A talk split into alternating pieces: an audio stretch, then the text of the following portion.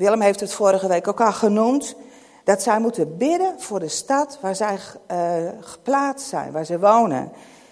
En dat ze zich in moeten zetten voor de bloei van die stad. God wil hen gebruiken. En de bloei van die stad zal ook tot zegen zijn voor henzelf. Dus dat is de, de, ja, de, uh, ja, de oproep die aan hen gedaan wordt om te bidden voor de bloei van de, sta, van de stad. En een tekst die uh, voor ons heel bekend is, die de Heer Jezus gesproken heeft, tot een ieder van uh, ons ook. In Matthäus 28, vers 18 tot 20 staat uh, deze tekst. En er staat, Jezus kwam op hen toe, de discipelen, en hij zei, mij is alle macht gegeven, in de hemel en op de aarde. Ga dus op weg en maak alle volken tot mijn leerlingen, door hen te dopen in de naam van de Vader en de Zoon en de Heilige Geest. En hun te leren dat ze zich moeten houden aan alles wat ik jullie opgedragen heb. En houd dit voor ogen. Ik ben met jullie alle dagen tot aan de voltooiing van deze wereld. Dus de oproep die de Heer Jezus doet aan ons allemaal om uit te gaan, om over Hem te vertellen, het leven van God bekend te maken. Dat God is een God van leven, een God van kracht. Maar het bijzondere in deze tekst is dat daar staat, maak alle volken tot mijn leerlingen. Dus de Heer Jezus zegt niet alleen, maak mensen tot volgelingen van mij, tot mijn discipelen. Maar de Heer Jezus die wil volken die hem gaan volgen. Dat vind je terug ook op verschillende plekken in de Bijbel. Dat de Heer naties wil, landen, erf, als zijn erfdeel. Dus God wil gewoon, uh, of God verlangt ernaar dat volken hem gaan volgen. En de principes van hem gaan uitvoeren. En dan belooft hij dat, uh, dat hij met ons uh, zal zijn. Nou, en dan kom ik op het thema van de zeven bergen. En dat begint eigenlijk bij Lauren Cunningham en Bill Bright. Lauren Cunningham, dat is de oprichter van Jeugd met een Opdracht. En Bill Bright, dat is de oprichter van Campus Crusade. Wat in Nederland uh, Agape nog een onderdeel van is. En in 1975 hebben zij voor het eerst een ontmoeting met elkaar. En zij bidden onafhankelijk van elkaar om een woord om aan de ander door te geven. Want beide zijn ze bewogen met de wereld, met de mensen die daarin leven. En willen ze het evangelie bekendmaken. En dan komen ze bij elkaar en dan hebben ze beide dezelfde droom van God ontvangen. Onafhankelijk van elkaar. En ze kregen van God handvaten om invloed te hebben in de wereld. En God toonde hen uh, zeven gebieden in de maatschappij.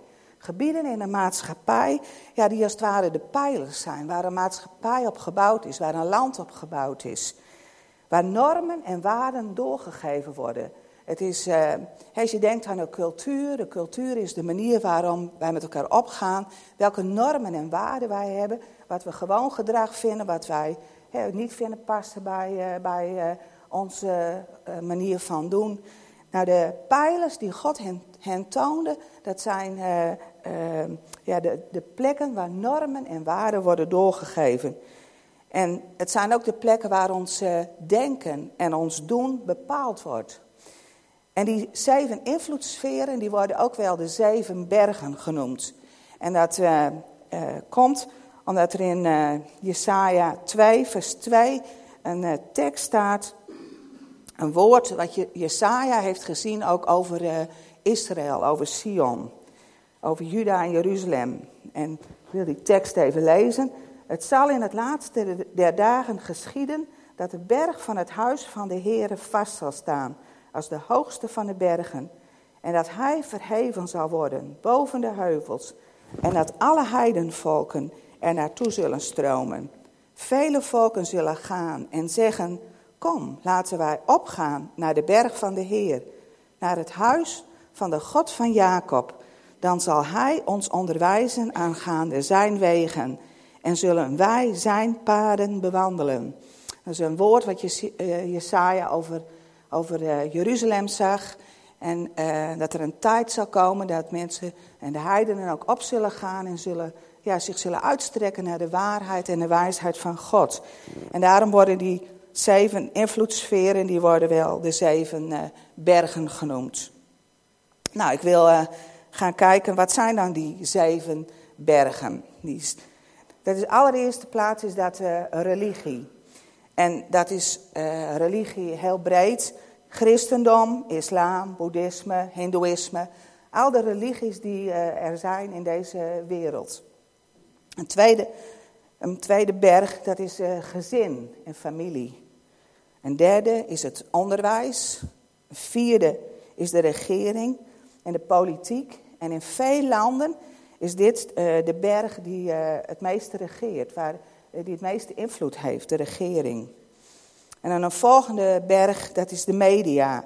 De tv, de krant, internet, social media. Dat zijn, uh, is de berg van de media. En dan de zesde, dat is uh, de berg van kunst. Van kunst en entertainment. En daar hoort ook bij toneel, film, muziek, sport. En dan de laatste is uh, business, de bedrijfsleven, de zakenwereld. En die genereert het geld voor al die andere bergen. En die vormt de economie. Nou, die uh, bergen, die staan hier wat op een andere manier ook getekend. Uh, want het is namelijk zo dat die bergen, wat ik eerder ook al noemde, die bepalen ons denken en ons doen. Heel veel zaken worden in ons, uh, in ons denken wordt gevormd door, door, deze, door deze zeven gebieden. Of die bepalen ook vooral in een, in een land, bepalen die uh, de manier van denken. En je kunt het ook zien als een land overgenomen wordt, dan heel vaak begint het met de regering. Als er een staatsgreep of een oorlog is, dan begint het met de regering die overgenomen wordt, die de, die de orde en de regels gaat hanteren. De media die dat gaat uitwerken in het betreffende land. En dan gaat het doorwerken in het onderwijs in de religie, de vrijheid die je hebt in religie, of de beperktheid die je hebt in religie. Dus al, al deze gebieden, die bepalen heel erg het uh, denken van een land. En daardoor, omdat je in een land woont, heeft het ook invloed op degenen die daarin wonen. En ik ga die gebieden nu één voor één bij langs. En dan ga ik ze vooral belichten vanuit het christendom. Want je kan uh, het vanuit verschillende dingen doen, maar ik wil gewoon belichten van hoe, wat betekent dat voor ons nu als christenen? En dan begin ik met de eerste, met religie. Religie, dat is het eh, leven met God. Dus de, het leven wat God aan ons geeft. En God wil ons vrijheid geven. God wil ons ja, waardigheid geven. God wil dat we leven in de vrijheid als kinderen van Hem. God wil niet dat we in traditie vastzitten. En de dingen doen omdat ze altijd zo gedaan zijn. Maar God wil dat we Hem zoeken en de, en de weg gaan die Hij voor ons heeft. Voor ons persoonlijk, voor ons als kerk. Want de religie wordt ook wel in dit aspect ook wel de kerkberg genoemd. Want de religie, het christendom, wordt voor een groot deel gevormd hoe wij als kerk bijeen zijn. En daar staat voorop dat Jezus onze verlosser is. Dat we vrijgemaakt zijn. Dat we niet meer gebukt gaan onder schuld en zonde, maar dat de Heer Jezus alles voor ons heeft volbracht. En als God de leiding heeft binnen de religie, binnen de kerk, dan is de kerk niet zo verdeeld, wat door jaren heen gebeurd is. Maar dan is het één huisgezin. Als we terugkijken ook naar ons land, dan hebben we hele mooie dingen, hele mooie uh, geschiedenis als kerk, maar ook hele trieste dingen. Als je ziet hoeveel verdeeldheid wij als kerk onderling hebben. En hoeveel, nou, wat voor getuigenis daarvan uitgegaan is in ons land. En uh, het verlangen van God is ook dat we Hem zoeken en, en in eenheid met elkaar optrekken. Eén huisgezin, één God en één Heer. Nou, dan de volgende berg. Dat is het gezin. Gezin waar wij ook allemaal mee te maken hebben. Ik vind het zo bijzonder hoe God dat bedacht heeft. Dat een, uh, een kindje geboren wordt in een gezin, een plek van veiligheid. De vader en een moeder, een meest kwetsbare periode van je leven, heb je een plek waar je, waar je veiligheid hebt. Waar uh, een plek van relatie is ook. Waar ontmoeting is met, uh, met elkaar. Waar vertrouwen kan groeien. En uh, voor de ouders ligt hier een belangrijke taak. Kinderen die, die moeten opgevoed worden. Die moeten, moeten leren. Die moeten op weg geholpen worden. En die moeten groeien naar volwassenheid. En God verlangt ernaar om in, in onze maatschappij huisgezinnen te hebben waar Hij het middelpunt is. Waar de principes van Hem uitgewerkt worden, waar ze uitgeleefd worden. En vaders en moeders die hebben een geweldige invloed op hun kinderen. En op het leven van hun kinderen. En dat is een uitdaging. Hoe ga je daar goed mee om? En hoe, hoe ben jij degene die, die je kinderen op de juiste manier helpt in de groei naar de volwassenheid? Nou, wat is, is het geweldig om dan een, uh, een voorbeeld te hebben in God. God als vader. God onze vader. God die er altijd is als vader. Die van ons houdt met een uh, onvoorwaardelijke liefde. Die zo naar ons verlangt om ons te luisteren. Om ons uh, in zijn armen te, te, ja, als het ware te omarmen en dicht naar hem toe te nemen. Die van hart tot hart met ons wil spreken. Die tijd voor ons heeft. Die het belangrijk vindt om ja, om ons uh, nabij te zijn en om ons uit te dagen. Maar God is ook het beeld van een moeder. In de Bijbel staat ook als een, als een, als een kind, uh, gespeend, een kind wat net gedronken heeft, als een gespeend kind aan de borst van de moeder. Zo is God ook. In God is ook moederliefde, zorg en, en gevoeligheid, intimiteit. En als ouders uh, en, en grootouders en andere familieleden, mag je ook, in, uh, mag je ook dat voorbeeld van God mag je, mag je doorgeven uh, aan gezinnen waar je bij betrokken bent, aan kinderen en kleinkinderen. En Gods verlangen is echt dat, dat wij als christenen een, een zegen mogen zijn in gezinnen. En, en het gaat vaak nog verder. Kinderen die binnenkomen, die bij je, en die vriendjes en vriendinnetjes die meegenomen worden, die mogen ontdekken van een plek waar God heerst. Soms is dat hun enige moment waar ze gewoon bij in ontmoeting kunnen komen met God. Nou, dan het volgende punt, dat uh, volgende berg, dat is onderwijs. Onderwijs is ook een, een, een, belangrijke plek waar principes doorgegeven worden. Op een gegeven moment, als een kind naar school gaat, dan heeft, wat juf zegt, heeft heel veel waarde. Een, een, tijd lang ook nog veel meer dan wat vader of moeder zeggen. Want wat juf zegt, dat is waar. Of meester, maar de kleine kinderen beginnen vaak met een juf. En daar geef je de principes door. De principes, wat goed is, wat, hoe je dingen moet doen, hoe je met elkaar omgaat. Maar ook de principes over God. maar onderwijs krijg je niet alleen bij jongeren. Onderwijs komt ook op oudere leeftijd. Ouderen krijgen ook onderwijs, uh, dingen die je leert, via cursussen, via, via opleidingen die je zelf gaat doen. Maar onderwijs geeft een basis in kennis en denken. Het legt als het ware vast hoe je over de manier gaat denken, maar ook de kennis waar je, waardoor je mogelijkheden krijgt in het leven. Maar wij hebben een geweldig groot voorrecht dat onze kinderen hier allemaal onderwijs krijgen. Dat ze kunnen leren lezen, leren schrijven, dat ze ook daarin dat kunnen uh, gebruiken in de rest van hun leven. Er zijn nog steeds plekken op deze wereld waar dat niet zo is. Maar ook in het onderwijs leer je hoe de wereld in elkaar zit, hoe de dingen met elkaar te maken hebben.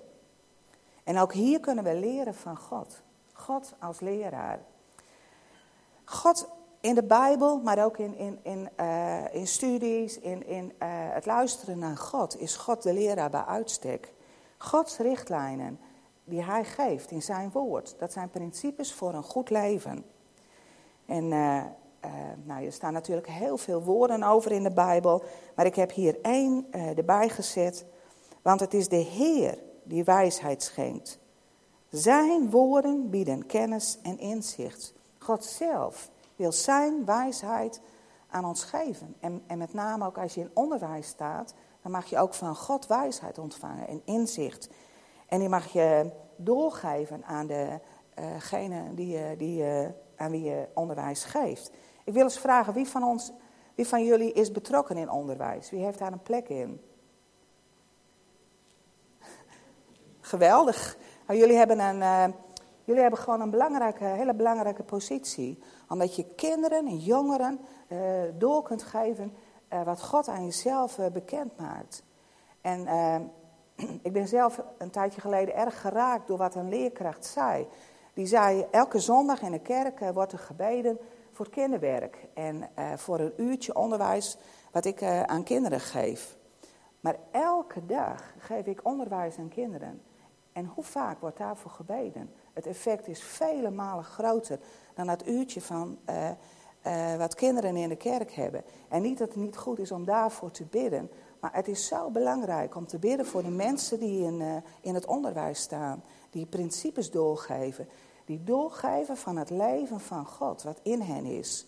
Dus ehm, ja, ik denk dat daar gewoon een uitdaging ligt voor ons als kerk. Hoe gaan wij om met de, de, ja, de dagelijkse dingen in het leven? Hoe bidden wij daarvoor en hoe dragen we dat aan God op? Want daar ligt vooral, uh, liggen onze mogelijkheden. Nou, de volgende berg, dat is de regering. En dat is uh, de invloed op de wetgeving, op het leger, op het orde. Nou, wij zien heel duidelijk het maakt in ons land erg veel verschil welke politieke partij daar invloed op heeft. En hoe de wetgeving, wat erin naar voren komt. En hoe maatregelen worden genomen. Goede maatregelen, maar ook maatregelen die triest zijn. En uh, ik ben blij met uh, christenen in de politieke partijen die opstaan. En die uh, ook op dit moment hun geluid laten horen op, op gebieden van uh, ethische kwesties, maar ook op andere gebieden. Want God wil dat wij op al die terreinen als christenen onze plek uh, innemen. En ik vertel nu dingen, uh, bij regering kan je denken aan dingen in het groot. Maar het kan ook in de regering zijn in je lokale plaats. Of in, in, de provincie. Of op andere plekken waar God je geplaatst heeft. Waar je invloed kan uitoefenen ja, op het gebied van regering. En de overheid, die, dat is met name de plek uh, waar uh, de macht op dit gebied zit en waar het besturen van ons land uh, plaatsvindt. Of van onze plaats, van onze provincie. En ook hier kunnen we ons voorbeeld in God nemen. God, Hij regeert over alles. God is de koning der koningen, de allerhoogste. Alle macht en alle wijsheid en alle inzicht is bij Hem. En als je op een positie bent in, je in ons land waar je daar uh, invloed op uit kan oefenen, dan mag je van God verwachten dat Hij je daarin helpen wil. Want wij mogen ook met Christ, als christenen mogen we met God regeren. God heeft ons de opdracht gegeven om te heersen in dit land, in het land, om, om goed om te gaan met de dingen die God ons heeft toevertrouwd. Zijn er ook mensen hier die uh, op, op dit uh, gebied bezig zijn? Op het gebied van besturen, regeren? Zijn er een beetje? Oké. Ja. Nou, we zien wel, dat is dus wel een beetje een zwakte bij ons als christenen. Dat wij hè, hier nu weinig mensen. Gelukkig hebben we in Drachten ook christenen die heel actief zijn in onze plaats. Maar als God je de mogelijkheid geeft, dan is het zo goed om je plek daarin uh, in te nemen. En om te besturen op de plek die God je geeft. Nou, dan gaan we naar de volgende berg. En dat is de media. Dat is uh, de communicatie. Alles wat te maken heeft met communicatie. En de media die bepaalt wat mensen zien en horen. De media die hebben een, uh, een geweldig grote invloed. En we zien ook in ons land dat media soms dingen voorspiegelen die uh, vanuit een bepaalde uh, gedachten, vanuit een bepaald, uh, ja, bepaalde meningsopvattingen gewoon gedeeld worden met ons. En zo horen we dingen en, en, horen we andere dingen helemaal niet. Dus de media heeft gewoon een geweldig grote, grote invloed.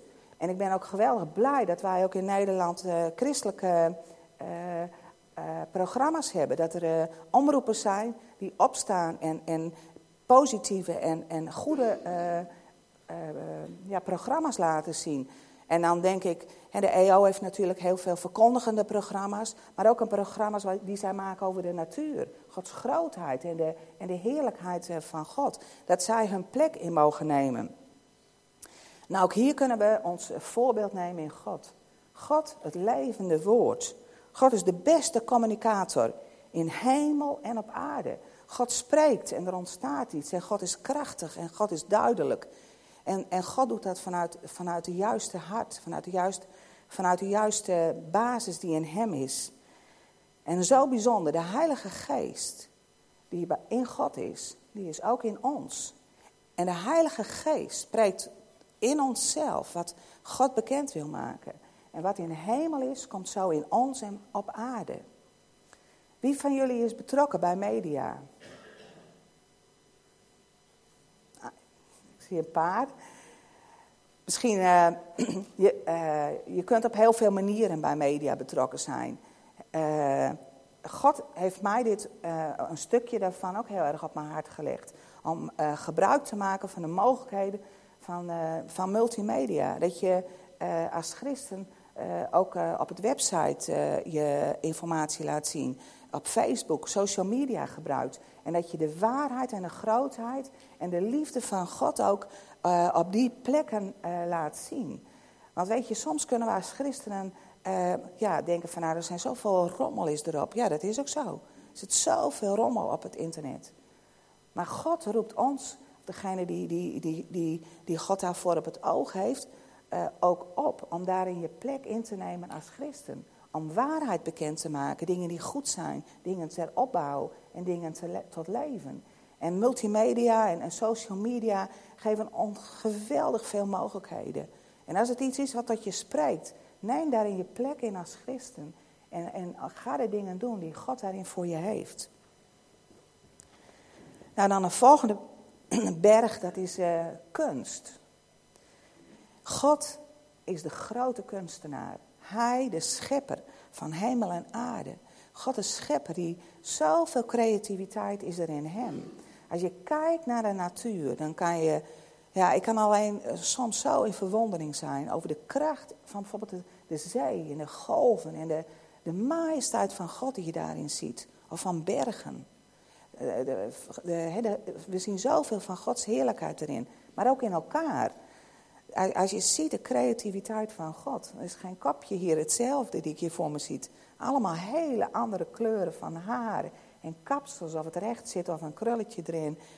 En dan kijken we nog niet eens naar de lengte en de dikte en eh, alles wat erbij is. Ze zijn zo verschillend. Ik kan niet goed tekenen, maar als ik teken, dan lijken die poppetjes altijd erg veel op elkaar. Wat een God van creativiteit, die ons gemaakt heeft, die ons bedacht heeft. Hij de bron van creativiteit. En God heeft die creativiteit ook in ons gelegd. Wij mogen dingen scheppen, wij mogen dingen maken. En uh, op elk gebied mogen we dat doen, mogen we dingen zichtbaar maken. En daardoor mogen wij ook laten zien, ja, gewoon iets van grootheid van God in de dingen die wij daarin maken. En deze berg is een hele tijd weg geweest uit de kerk. En ook uit ons leven als christen. Het was niet zo belangrijk. Als je terugkijkt naar, uh, en dan denk ik nu even naar de tijd van Rembrandt, hoe de kerk, hoe belangrijk de kerk in deze onderdelen was. In kunst, in schilderijen. Kijk eens naar schilderijen van Rembrandt. Kijk eens naar kerken, prachtige kerken, die, die gewoon uh, nog steeds worden gezien als geweldige kunstschatten. Maar ook, ook, en, en ook wat er in de kerk is. Een tijd lang hebben christenen daar geen invloed in gehad. Zijn we gewoon weg geweest. Maar ik geloof gewoon dat God het teruggeeft. Je ziet toenemend dat mensen hun plek gaan innemen in kunst, in, in muziek, in, uh, in sport ook. Er zijn ook christenen die opstaan binnen de sport en die, die getuigen van God. En er zijn ook uh, athletes for Christ die ook uitreiken, met name binnen de sportwereld. Ik vind het ook geweldig als je naar een programma van al die, die uh, programma's, nou weet ik, oh ja, The Voice of Holland, ik kon even niet op de naam komen. Ik vind het een prachtig programma. Maar dat daar christenen in zijn en die meedoen. En die daar gewoon voor vertellen ook. Hoe zij in hun liederen God groot maken. En dat zij meedoen met zaken die in ons land bezig zijn.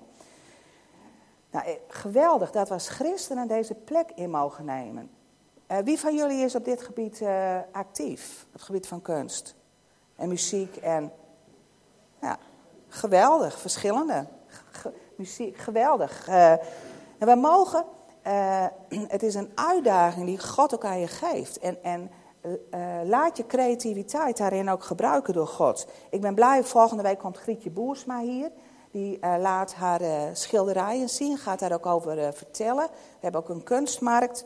Maar blij dat, dat het, terugkomt, ook in ons land. Dat we als christen daarin iets mogen doen. Als God je daarin talenten heeft gegeven en creativiteit, dan is het Gods verlangen om daarmee aan de gang te gaan. En om daarin Hem zichtbaar te maken en, en gewoon tot zegen te zijn. Nou, dan de business, de bedrijfswereld, de zakenwereld. We weten als geen ander op dit moment hoe belangrijk dat is. Want die bepaalt de geld- en goederenstroom. En heeft, dat heeft ook alles te maken met bezit. Van hoe ga je daarmee om? De economie op dit moment, die bewerkt vooral hebzucht. Meer, ik wil meer hebben. En voor degenen die meer krijgen, betekent het vaak dat er anderen zijn die minder krijgen. Dat er armoede is. Nou, we hebben gezien van hoe verkeerde maatregelen. En dat alles maar mogelijk uh, lijkt te zijn met uh, geld. Wat voor effect dat heeft. Ook op, uh, in de tijd waarin we nu nog leven. Ook hierin is, is God een geweldig voorbeeld. God als de voorziener. God die voorzien wil in wat we nodig hebben. Maar daar staat ook, Paulus zegt dat heel mooi. Wij hebben voedsel en kleren. Laten we daar tevreden mee zijn. De wortel van alle kwaad is geldzucht. He, waar zijn wij op gericht? Wat, wat, is onze, uh, wat is onze verlangen in ons leven? Hoe gaan we met die dingen om? Leven we daarin ook dicht bij God? Of kijken we naar de grootte van onze bankrekening? Geweldige uitdaging ook. Wij mogen land innemen, ook ons land. Als, ik, uh, als je terugkijkt, ook in ons land hebben uh, christenen uh, zijn, zijn we uit veel dingen weggetrokken. Ik noemde net van de kunst, maar ook in barmhartigheid. Kerken zijn begonnen met heel veel plekken van barmhartigheid. Met ziekenhuizen. christenen hadden een grote rol in, in, in zaken als onderwijs. Uit veel terreinen zijn christenen wat weggegaan. En, en geweldig dat, dat er opnieuw een beweging komt, dat wij bewogen zijn voor ons land en ook de plek in willen nemen die God daarin voor ons heeft. of het nou, uh, ik ben blij met present, die uitreikt naar mensen, uh, die, die, die, het zwakkere zegent en dat we als kerk of als christenen daar een plek in mogen nemen. En in God is alles wat we nodig hebben. God is degene die in alles wil voorzien. En de sleutel ligt in alles, dat we ons richten op God. Dat we afhankelijk van Hem zijn. En dat we vanuit de hemel ontvangen. En er is een uh, verandering van ons denken nodig. Dat we echt uh, uh, ontvangen en, en zien het belang wat nodig is voor het leven. De focus van christen is heel vaak gericht op één gebied, de kerk. Dat is echt het allerbelangrijkste. Je moet al je avonden vooral voor de kerk beschikking hebben en het werk van de kerk wat je doet, dat is echt uh, als jij in andere plekken zit, nou ja, liefhebberij misschien of zo, maar wij hebben als, als christenen, en ik wil niet oproepen dat jullie allemaal je taak neerleggen en dat wij, dat wij hier niks meer doen, maar het is wel heel belangrijk om, om te kijken wat heeft God, wat geeft God aan ons en hoe mogen wij in deze wereld staan. Als christenen zijn we vaak gericht geweest op het, de, het eeuwigheid, het leven in de hemel wat voor ons ligt. En dat gaat gewoon komen. Het vertrek heb ik het hier even genoemd. Dat we bezig zijn, nou, we moeten het hier nog wel een beetje volhouden in de periode dat we hier zijn. Maar straks wordt het pas echt uh, goed. Maar God heeft ons hier een plek gegeven. In de, in de tijd waarin wij hier leven. We zijn niet van de wereld, vorige week een film daar ook over gaat, maar wel in de wereld. Wij leven in deze wereld. En God geeft ons in deze wereld mogelijkheden. En we mogen ons, uh, onze plek innemen op al die zeven gebieden die ik genoemd heb. En uh, niet alleen op het kerkelijke, maar op al die plekken. En gewoon weten dat God dat belangrijk vindt. En in mijn eigen leven, uh, op een gegeven moment, ik was groepsleidster en had een leuke baan. Maar God uh, riep mij om, uh, om de zending in te gaan. Dus ik ben naar Jeugd met een opdracht gegaan. Ik heb mijn baan opgegeven, mijn huis opgezegd, heel veel spullen weggedaan. En ik ben uh, naar België vertrokken. Ik heb een school daar gedaan, een ITS. En ben naar verschillende landen geweest, andere landen. En uh, nou, ik dacht, dit is het. Ik ga werken bij Jeugd met een opdracht. Ik ga werken voor God, fulltime. En uh, dit is wat God voor mij heeft. Maar na een paar jaar maakte God mij heel duidelijk dat ik terug moest gaan naar Nederland. En dat ik opnieuw mijn plek in de maatschappij in moest nemen. En dat was voor mij zo'n worsteling. Want ik dacht, nou heer, u wilt toch dat ik uh, hier ben in de zending en dat ik uitga naar andere landen, dat ik fulltime voor u ga, ga werken. Maar God zei, ja, fulltime voor mij werken wil ik, maar niet binnen de zending, maar gewoon in Nederland. Gewoon in een plek in de maatschappij, in een baan, in de dingen die ik aan jou geef. Daarin mag jij mij fulltime dienen. En daarin mag jij tot zegen zijn. En nou, eerst, uh, nou, het was voor mij heel moeilijk om daarin uh, uh, ja, eigenlijk opnieuw te horen wat God wilde zeggen. Ik had zo mijn idee over iets. Maar weet je, als je hart echt op God gericht is en je zoekt Gods wil te doen, Gods verlangen, dan kan God daarin gewoon tot je spreken. En dan kan God je ook duidelijk maken, ga maar weer terug. En in het begin dacht ik, nou ik moet niet te veel dingen kopen, want ik moet zo weer klaarstaan om weg te gaan. Maar weet je, je mag gewoon ook leven hier en genieten van de dingen die God geeft. Het is maar net waar is je hart op gericht. Misschien roept God je wel weer om weg te gaan. Nou, dan komt daar ook wel weer een weg in. Dus wij mogen het land uh, innemen. Nou, ik wil ook gewoon een paar voorbeelden geven die, uh, uh, van, van de gebieden, die, de bergen die ik net genoemd heb, van welke invloed dat heeft. En dan wil ik een voorbeeld nemen uit Nederland als eerste. Van Abraham Kuyper. Wie kent Abraham Kuyper? Geweldig, er zijn heel veel die hem kennen. Nou, dat is een christen die geweldig grote invloed heeft op, op de regering, op ons land. Die heeft uh, vanuit zijn christen zijn, heeft hij een geweldig grote verandering gebracht in Nederland. In, de, in het onderwijs, in de kerken. En hij, heel veel principes en dingen die hij doorgegeven heeft, die zijn nu nog steeds, die werken nog steeds door in, in ons land. Dat is een christen die God op een hele bijzondere manier gebruikt heeft in Nederland. dan moet ik zelf denken aan Compassion. Ik vind Compassion, en, en zo zijn er natuurlijk meer organisaties, maar zelf ben ik met uh, Compassion in aanraking gekomen. Die kinderen, uh, uh, die, die sponsors zoekt voor kinderen, zodat zij goede mogelijkheden krijgen in onderwijs. en eigenlijk de potentie die in hen is, dat die benut kan worden. En wat ik zo mooi vind, uh, dat die kinderen, die leren principes van God. En maar die leren ook onderwijs, die leren een vak. Ze hebben leiderschapsscholen uh, voor die kinderen. En er zijn van, vanuit Compassion zijn er kinderen gekomen die, die nu al leiders zijn in hun land. En uh, het is geweldig hoe God ja, het, het christen zijn en christelijke principes zo in die landen mensen op bepaalde plekken brengt. Want weet je, die gebieden die ik net verteld heb, je hebt niet heel veel me mensen nodig om dingen te veranderen. Je hebt de juiste mensen nodig op die zeven gebieden. En natuurlijk zijn het er meer. Het is niet zo dat dit natuurlijk alles is. Maar God heeft dit wel ja, aangewezen als gewoon kernpunten. Als jij de juiste mensen op, op, uh, op, op die plekken hebt, dan kan er een verandering in een, in een land komen. En ik, wat dat betreft ben ik zo blij met het werken van Compassion. En dat God dat zegent. En dan twee negatieve voorbeelden. Jamaica, dat is een land met heel veel christenen. 80% van de mensen zegt dat ze christen zijn. En toch is dat een van de gewelddadigste landen in deze wereld. Want de principes van God zijn niet doorgedrongen in het land. Dus op de, de, de principes van, van die bergen die ik net genoemd heb, daar zijn geen christenen werkzaam. En het er is zoveel geweld in het land. En een ander heel triest voorbeeld is in Nigeria. Door campagnes zijn daar miljoenen mensen tot geloof gekomen. Geweldige dingen gebeurd. Maar die christenen die hebben zich vooral gericht op het eh, ontwikkelen van het geloof en, en de dingen die daarmee te maken hebben. Heel belangrijk. Maar gelijktijdig hebben de moslims gezien dat er andere terreinen zijn die je in moet nemen. Dus die zijn begonnen met onderwijs, met ziekenhuizen, met allerlei andere dingen uh, in het land Nigeria.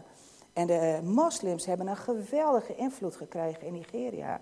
En je ziet gewoon de strijd die er in het land is. En dat de christenen uh, uh, ja, de, veel, velen zijn van hun geloof afgeweken. Maar ook de invloed van christenen is, ondanks de grote groep van christenen, is heel klein in Nigeria.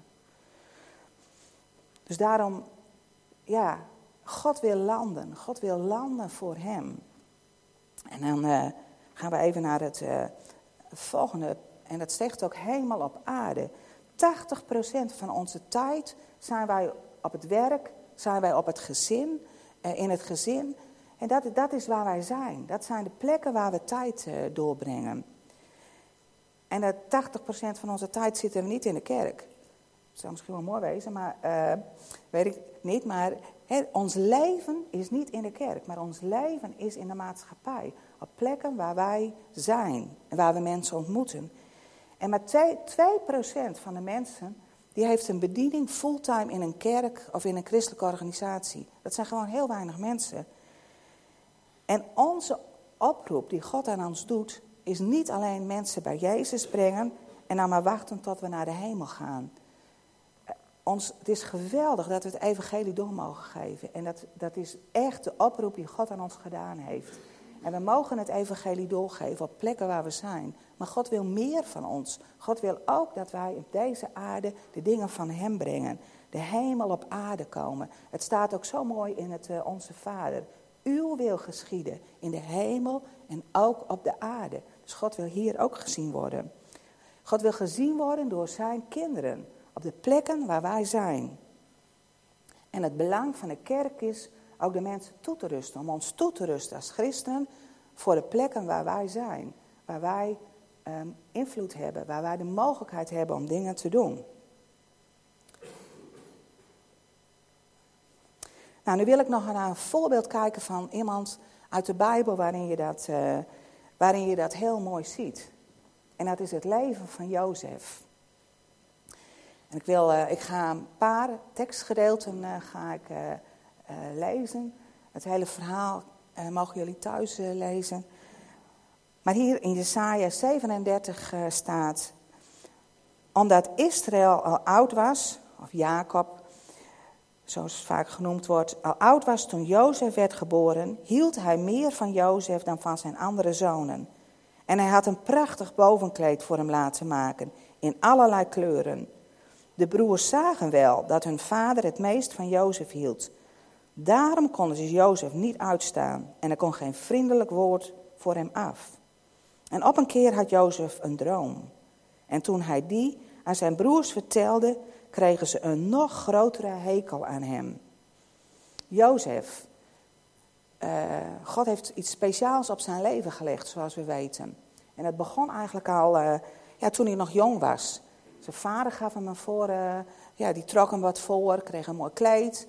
En er was zo'n haat van zijn broers op dat, uh, op dat jongetje. Of die jongen, hij was natuurlijk al een man.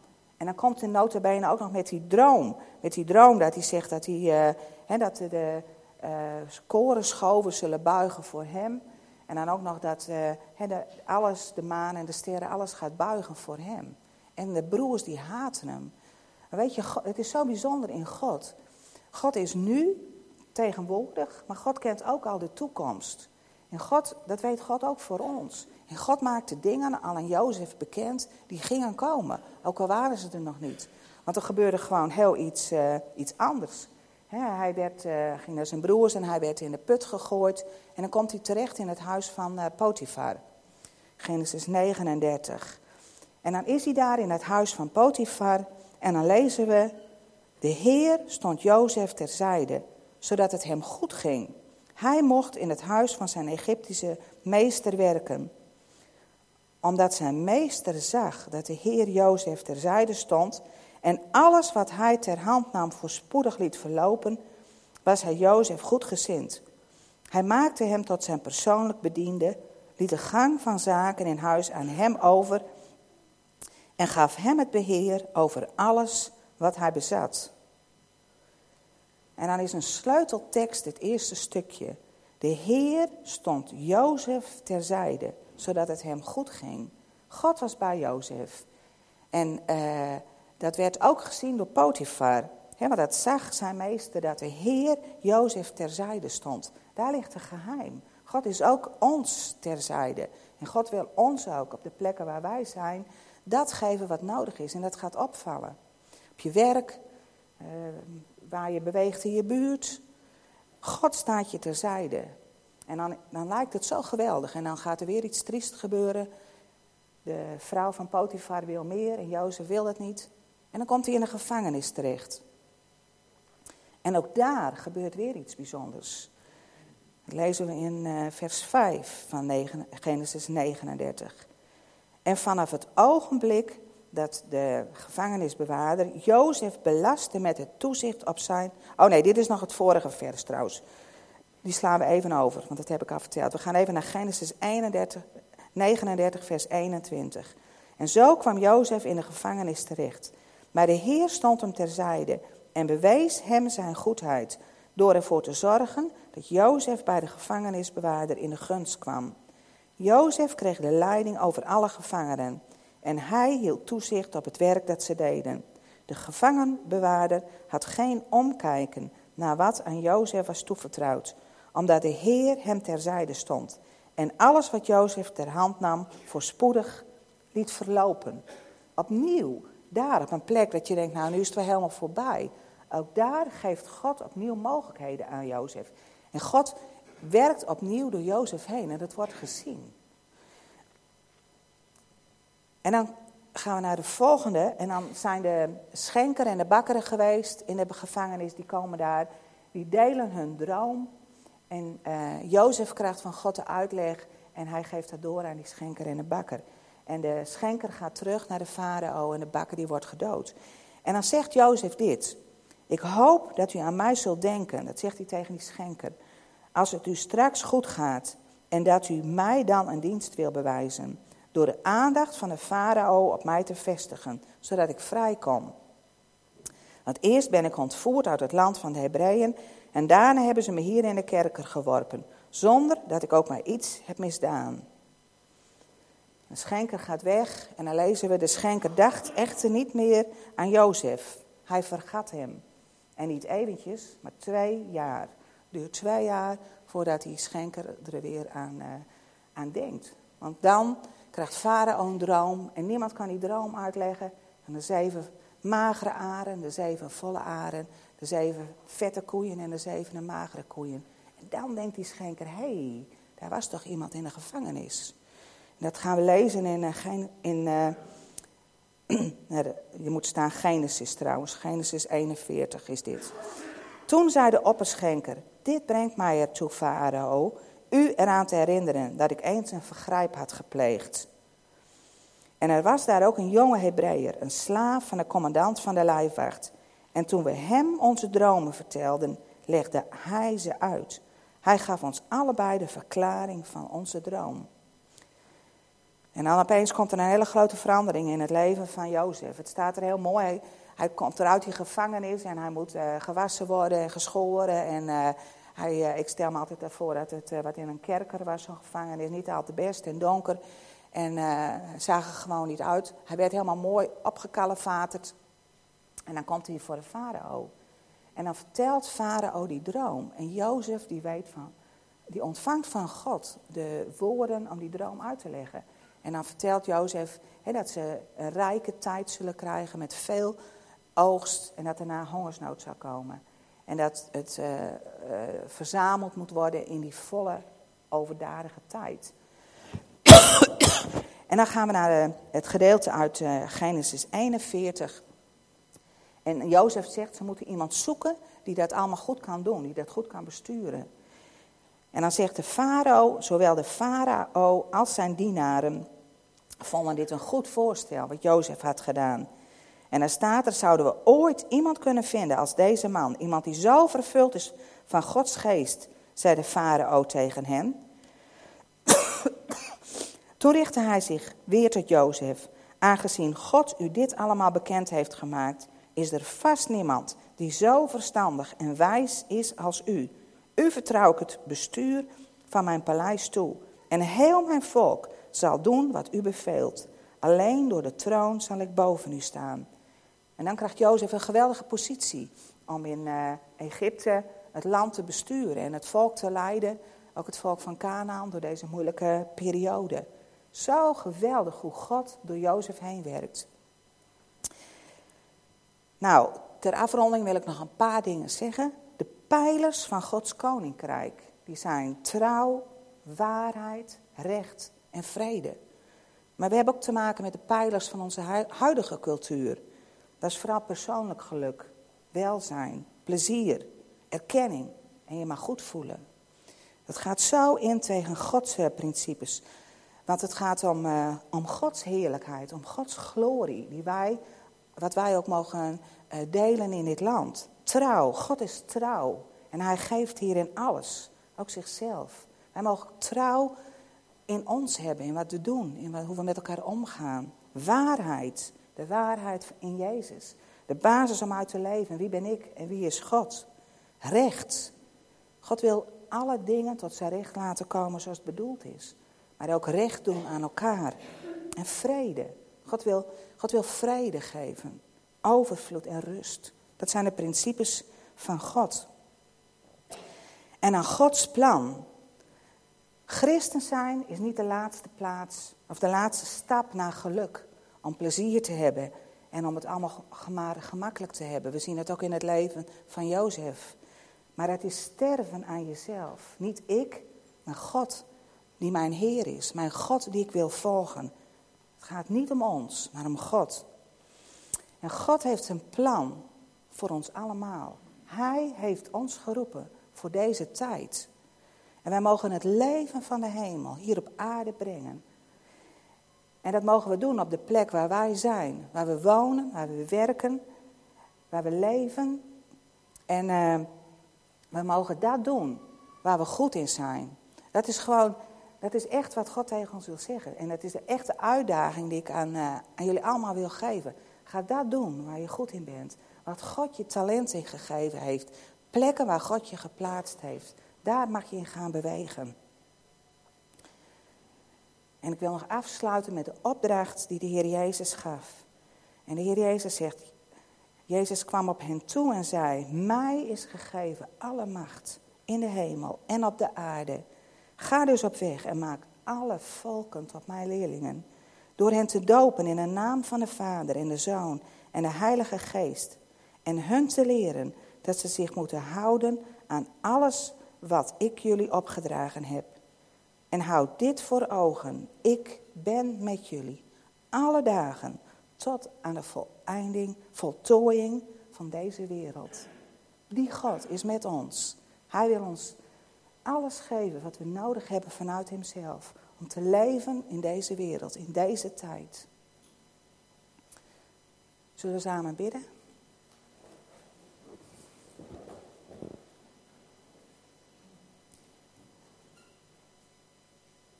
Dank u wel. Heer, u bent gewoon geweldig. U bent een geweldige God in al uw grootheid. De grote ik ben, in al uw almacht, in uw heerlijkheid. Heer, in uw, ja, alles wat in u is, de koning der koningen en de heren der heren. Bent u ook een God die zo dichtbij is. Immanuel, God met ons. Heer, en dank u wel, Heer, dat u vanuit u, vanuit de hemel, door uw Heilige Geest dingen in ons hart legt. En ik bid op dit moment ook dat u dingen aanraakt die u aan ons hebt gegeven. Heer, dat wij in deze tijd waarin wij leven, uw heerlijkheid bekend mogen maken. Op die plekken die u aan ons gegeven heeft. Dank u wel dat we mogen leven, Heer, als uw kinderen, uw geur, uw kracht, uw licht mogen verspreiden. Heer, dank u wel dat u ons wijsheid en inzicht wil geven, creativiteit. Heer, dank u wel dat we in u alles hebben wat we nodig hebben. En we willen ons richten op u. Op u alleen, Heer. En afhankelijk zijn van u. Heer, dank u wel. Dat u degene bent die ons leidt. Dat u degene bent die ons, ja, dag aan dag aan onze, ja, voor en achter en onder en om ons heen bent. Heer, we zijn geen moment uit uw aandacht. Dank u wel daarvoor. Amen.